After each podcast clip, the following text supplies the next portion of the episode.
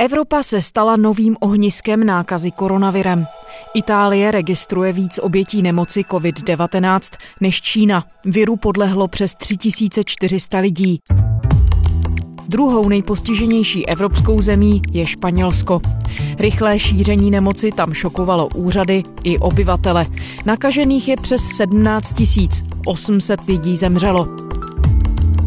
Jak se země zvyklá žít společensky a venku vyrovnává s novou realitou, kdy miliony obyvatel zůstávají v domácí izolaci? Proč se počet onemocnění začal nekontrolovaně šířit? A jak se život v nejistotě z možného kolapsu zdravotnického systému podepisuje na psychice lidí? Je pátek 20. března, tady je Lenka Kabrhelová a Vinohradská 12, spravodajský podcast Českého rozhlasu. Maria, thank you so much for being with us. Thank you, Lenka. So, what does it Mario, look jak like to teď ve Španělsku vypadá? Well, we have a very dark. Je to teď dost temná situace. Máme přes 17 tisíc lidí, kterým byla nemoc diagnostikována. Ačkoliv to číslo se pravděpodobně výrazně zvýší, až budou moct otestovat více lidí.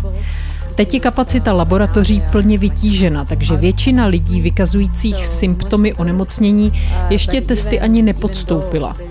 Přesto je ten potvrzený počet infikovaných takhle vysoký. A víc než 700 lidí už nákaze podlehlo. Jde hlavně o Madrid, ale nemoc už se rozšířila do všech částí země. Maria Ramirez, novinářka španělského deníku El Diario. The coronavirus death toll in Spain has jumped 30% in the past 24 hours. 209 people have died, taking the country's toll to more than 760. The number Ve Španělsku za posledních 24 hodin zemřelo na koronavirus více než 200 lidí. Celkový počet obětí v zemi tak stoupl na 780. Nakažených je víc než 17 tisíc. Tisíc lidí se uzdravilo. V zemi platí nouzový stav a karanténa. Well, your daily El Diario. Vy jste se v El Diariu věnovali koronaviru od samého počátku. Předpokládal někdo, že se epidemie ve Španělsku může takhle masivně rozvinout? A tak rychle? So fast. Not at all. Uh, it was so sad. Vůbec ne. Bylo to opravdu náhlé a rychlé. I když jsme se věnovali té krizi od začátku a lidi se začali víc znepokojovat, když viděli, jak je nemoc v Itálii na postupu, nikdo si to nepřipouštěl. Většina úřadů také vyzývala ke klidu a ujišťovala, že mají situaci pod kontrolou, takže bylo těžké představit si scénář vývoje, ve kterém se nacházíme teď. Nabralo to opravdu rychlý spát. Jenom několik dní předtím, než došlo k prudkému rozšíření počtu nakažených ve Španělsku, se tu konala řada masových veřejných akcí, jako například demonstrace u příležitosti Mezinárodního dne žen. Uh, demonstrations in Spain for Women's Day.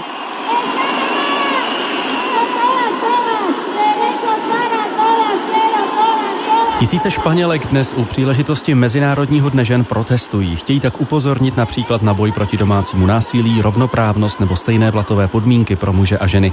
Největší manifestace jsou v Madridu, Barceloně a Valencii. Uh, uh. Konaly se fotbalové zápasy, probíhal siest jedné z politických stran, takže nikdo netušil, co přijde. What A dokážeme odpovědět na otázku, co se stalo, že počet případů tak rapidně narostl? Je zjevné, že se virus šířil po mnoho týdnů, aniž byl zjištěn. Mysleli jsme si, že tu máme jen hrstku izolovaných případů, ve směs turisty a lidí, kteří přijeli z Francie a Itálie, ale ve skutečnosti se virus nepozorovaně rozšířil. V některých případech ty symptomy nebyly nijak vážné, takže ti lidé si podle všeho ani nemohli být vědomi, že roznášejí nějakou nákazu. K prvnímu případu úmrtí došlo v polovině února, ale teprve zpětně se zjistilo, o co jde. Španělské úřady oznámily první oběti nákazy novým koronavirem v zemi. 69-letý muž sice ve Valencii zemřel už 13. února. Lékaři ale za příčinu jeho úmrtí dosud považovali zápal plic. Až súdna pitva preukázala, že zosnulý 69-ročný muž skonal nie na komplikovaný zápal pľúc, ale na koronavírus. Predtým, ako sa u ňoho choroba rozvinula, navštívil údajne Tibet. Lekári v nemocnici vo Valencii nevedeli o tom, že bol muž infikovaný a nezaviedli preto patričný protokol. Teraz pochopiteľne panujú obavy z toho, či zosnulý muž neinfikoval aj svoje okolie, vrátane zdravotníckého personálu. Ve chvíli, kdy tato skutečnost vyšla najevo, došlo k explozi, která teď postihuje celý systém zdravotní péče. Všichni se teď snaží dostat do nemocnic. A je zjevné, že úroveň přenosu nákazy v posledních dvou týdnech je opravdu vysoká.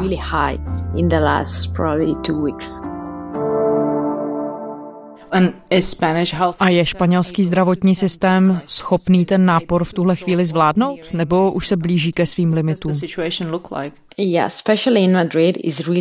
Zejména v Madridu se blíží hranici toho, co zvládne. Nemocnice jsou opravdu přelidněné, i když úřady neustále nabádají lidi, ať chodí do nemocnic jen tehdy, pokud je to vážné. A lidi si ten apel v zásadě berou k srdci, takže i většina těch, kdo už vykazuje symptomy nákazy, zůstává doma. I tak jsou ale nemocnice přeplněné.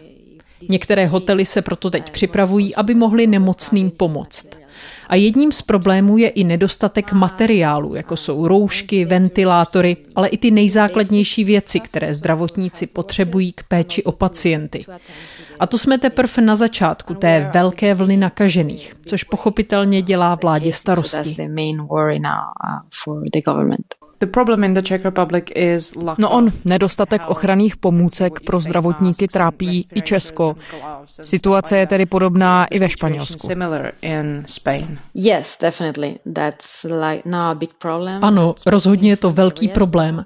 Zejména v oblastech, kde mají hodně případů nákazy, jako je Madrid nebo některé nemocnice v Katalánsku. A to je opravdový problém. Objevují se totiž už případy nákazy mezi zdravotníky samotnými. Takže ti potom vypadnou z práce a jdou do karantény, což jen dál zvyšuje ten nápor na celý systém. Vláda se teď snaží ten chybějící materiál nakoupit, ale to tež dělají prakticky všechny země. Čína nám sice darovala nějaké roušky a vybavení, ale pořád to nestačí. Pomáhají i některé soukromé firmy, jako například Zara. Ta nabídla, že se v jejich továrnách mohou šít místo oblečení roušky. Ale i to by vyžadovalo nějaký čas, protože musíte stanovit určitá pravidla. Takže ano, nedostatek materiálu představuje opravdu vážný problém.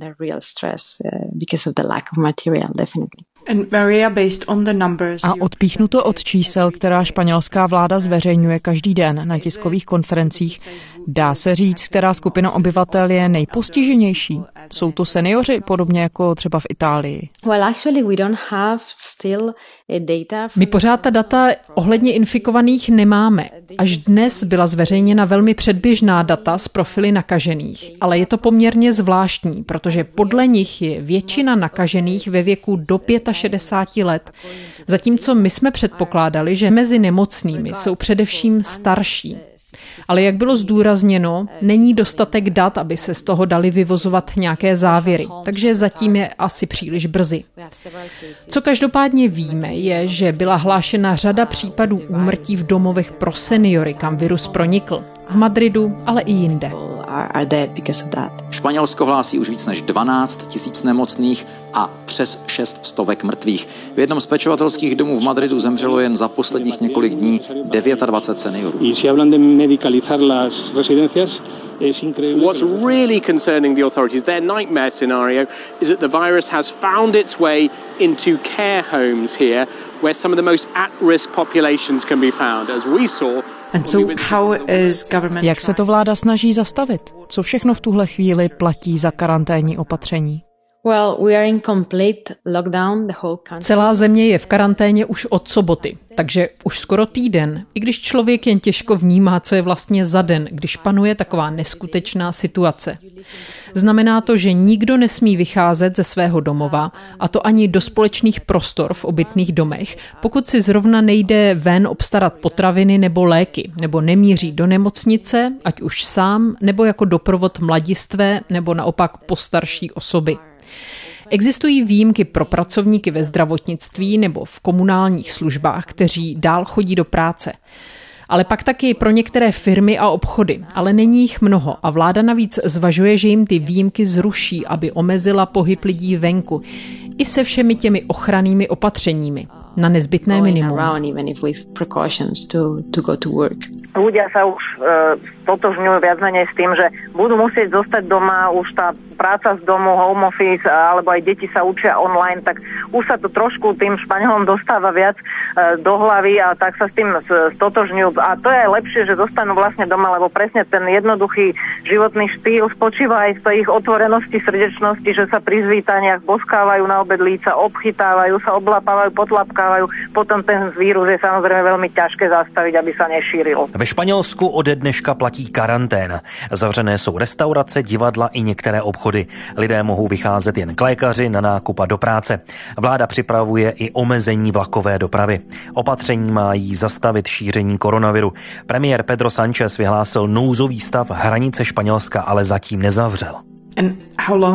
A jak dlouho budou karanténní opatření platit? Well, uh, legally, uh, Z pohledu práva jsme ve stavu nouze. Vláda ho vyhlásila minulou sobotu. Platit by měl 15 dnů, což je legální maximum pro takovou situaci, kdy de facto platí stané právo, pokud ho vláda vyhlásí bez povolení parlamentu. Takže to máme do 29. března ale všichni očekáváme, že až parlament vysloví souhlas, bude to náš standard po několik dalších týdnů, tak jako je to teď v Itálii. And does it impact a mění karanténa chování lidí?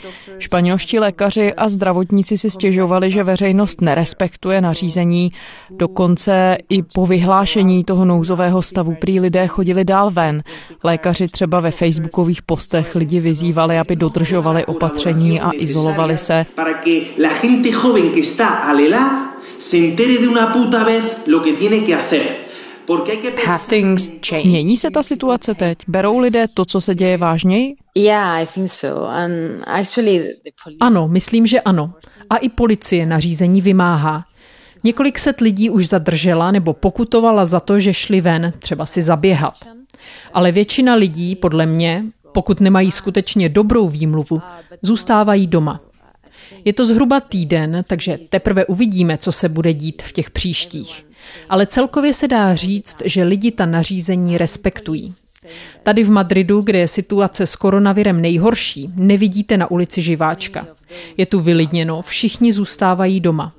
Policie upozorňuje, že je pár výjimek, ale vztahují se jen k místům, která nejsou ohniskem nákazy. Maria, how is Spain dealing with the situation? Jak to Španělsko zvládá mentálně? Při nejmenším v našem chápání patříte v Evropě k zemím, které žijí velmi společensky a hodně venku. Dokáží se Španělé jako společnost přepnout do úplně jiného módu?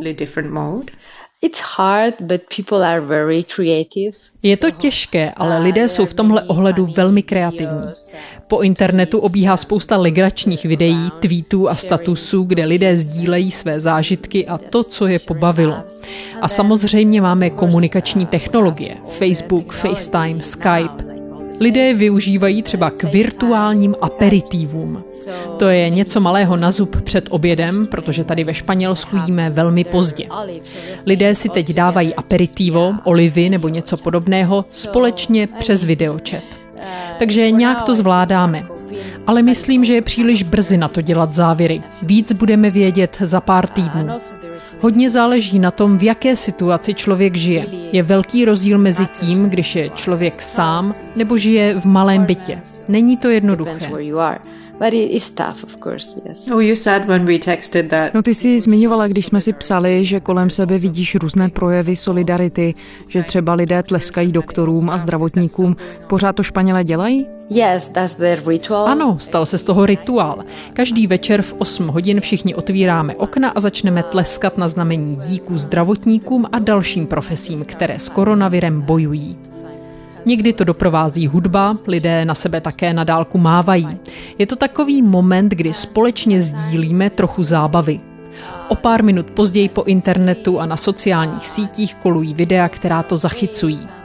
Někteří lidé to berou velmi vážně, pouštějí muziku na hlas, používají speciální efekty a kouř. Můžete narazit na velkou míru sofistikovanosti. Lidé hrají různé motivační písně, třeba španělskou verzi I Will Survive.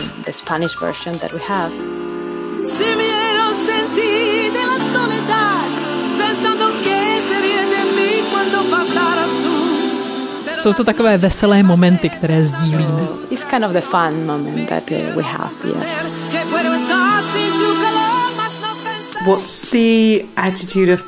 A jak lidé hodnotí oficiální postup vlády? Ve středu král Filip VI. pronesl projev k národu, ale lidé ho přerušili tlučením do pokliček a pán ví, co je k tomu vedlo? Mají na vládu vztek? Uh, Co se týče vlády a úřadů, na jejich adresu se objevila kritika za pomalou reakci. Za to, že trvalo dlouho, než vláda vůbec připustila, že se něco děje a že přijala opatření. To se samozřejmě změnilo, když se člověk podívá na to, kde jsme teď. Ale dokonce i hlavní opoziční strany kritiku pozastavili a vyčkávají, dokud stav nouze nepomine. Takže je tu taková pauza, ale to se myslím změní, jakmile se z toho dostaneme. Čekají nás jistě debaty, diskuse a kroky mnoha lidí budou zpětně pod drobnohledem. Ale to je věc budoucnosti. Ante esta situación, lo primero que quiero hacer es enviar todo mi cariño y afecto junto a la reina And in the uh, case of uh, King Felipe. No a co se týká krále Filipa, tam je to trochu jiná záležitost. Uprostřed tohoto všeho některá média, včetně mé redakce El Diario, zveřejnila informace o tom, že jeho otec, král Juan Carlos, který je na penzi, ale stále je ve veřejném prostoru, je vyšetřován kvůli offshoreovému účtu s penězi, který dostal před deseti lety od saudsko-arabského krále. Šlo o 100 milionů euro. A účastníci toho protestu ho žádali, aby tuto částku věnoval na veřejné zdravotnictví. To the public health system now.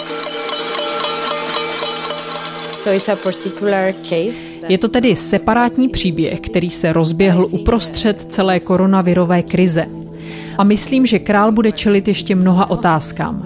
Teď na to nemáme čas, protože jsme úplně ponořeni do těch problémů s koronavirem. Ale jen co bude prostor, myslím, že král bude muset odpovídat na mnoho dotazů. King Felipe is turning down some serious cash.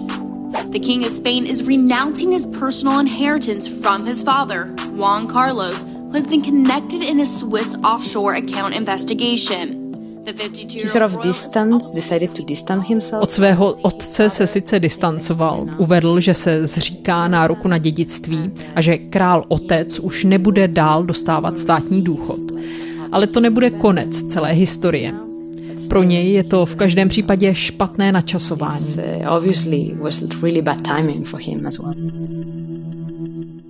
When you mentioned the media, how... Když zmiňuješ média, jak se vy novináři vypořádáváte se situací, kdy jsme uprostřed koronavirové krize a vlády apelují na média, aby se zdržela ostré kritiky a nechala ji na později? Jak k tomu třeba vy přistupujete? Um, no, všechny redakce tu fungují v nouzovém provozu. Novináři pracují z domova a snaží se všemi silami zjistit, co se vlastně děje. Snažíme se získat odpovědi na skutečné základní otázky od našich čtenářů. Je z nás skoro taková linka naděje a pomoci. Děláme, co můžeme, abychom odpověděli všem. Je to smutné a zároveň svým způsobem krásné. Ale zároveň každý den vedeme v newsroomu debaty o tom, na co se kriticky zaměřit a na co ne. Žijeme v okamžiku, který je těžký pro celou zemi a v jistém ohledu jsme proto přestali kritizovat některé aspekty, které bychom jinak řešili. Co se týče fungování politických stran, místních samozpráv, centrální vlády. Musíme se soustředit na jiná témata. Španělsko je, tak jako mnohé jiné země, velmi polarizované, ale šarvátky v tuto chvíli necháváme stranou. Zase na ně dojde. Někdy je to těžké, protože lidé jsou pořád lidé se svými názory. Politici jsou se svými chybami pořád ti stejní politici, které jste před týdnem kritizovali. Snažíme se k tomu přistupovat případ od případu. A snažíme se být zdrženliví, což ale samozřejmě neznamená, že bychom se nevěnovali zásadním zprávám nebo velkým skandálům. Samozřejmě věc, na kterou se teď soustředíme nejvíc, je pozorně sledovat, jak přesně se odehrávají kroky, které vláda přijímá v odpovědi na koronavirovou krizi. Víme, že předtím tam byly chyby, a tak se soustředíme na to, jestli teď je to v pořádku a jestli odvádějí dobrou práci. A odvádějí dobrou práci? No, to je těžké říct. Objevily se případy špatné koordinace mezi lokálními samozprávami a centrální vládou. Ani jedna strana na tuhle situaci nebyla připravená, takže ne všechno funguje hladce. Stav nouze navíc znamená, že regionální vlády dočasně přicházejí o svoje pravomoci. Všechno koordinuje centrální vláda, což je na španělské poměry docela šok. Náš politický systém je podobný federálnímu uspořádání. Pravomoci jsou ve Španělsku z centra převedené na regiony. Týká se to katalánská, baskická, ale i dalších regionů, ke kterým se možná neupírá tolik pozornosti. Za běžných okolností je země velmi decentralizovaná. Ale teď se stavem nouze koordinuje a řídí všechno vláda v Madridu. A to vyvolává ve vztahu k regionálním samozprávám napětí.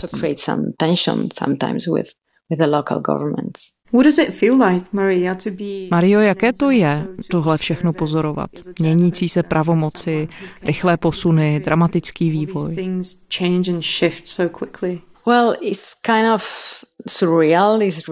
Připadá mi to tak nějak neskutečné. Člověk tomu pořád nemůže věřit. Každý den se při probuzení musím znovu upomínat, že se tohle všechno doopravdy děje, že to je naše realita. Najednou si uvědomíte, že jsme až doteď žili velmi pokojně a šťastně v porovnání s tím, co se děje teď. Všechno je jiné. Izolace, vědomí toho, že jsou lidé nemocní, obavy o vlastní rodinu. To všechno je velký stres.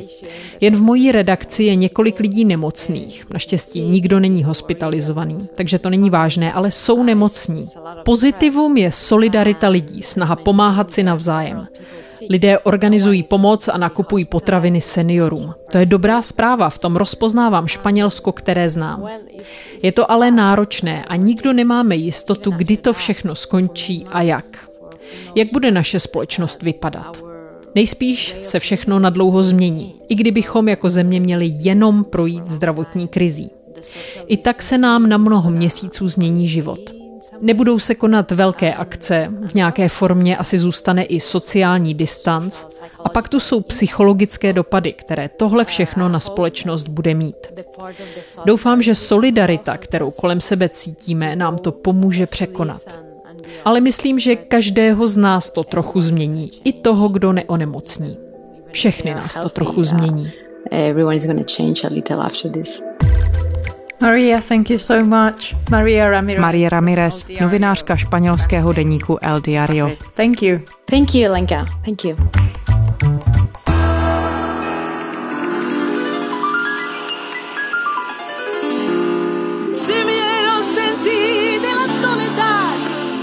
Zpáteční Vinohradské 12 je to vše. I přes víkend nás najdete na stránkách i rozhlasu našeho spravodajského webu. Všechny naše díly jsou také v podcastových aplikacích, můžete tam na nás nechat hodnocení. Pište nám, naše adresa je vinohradská12 zavináč rozhlas.cz. Těšíme se v pondělí.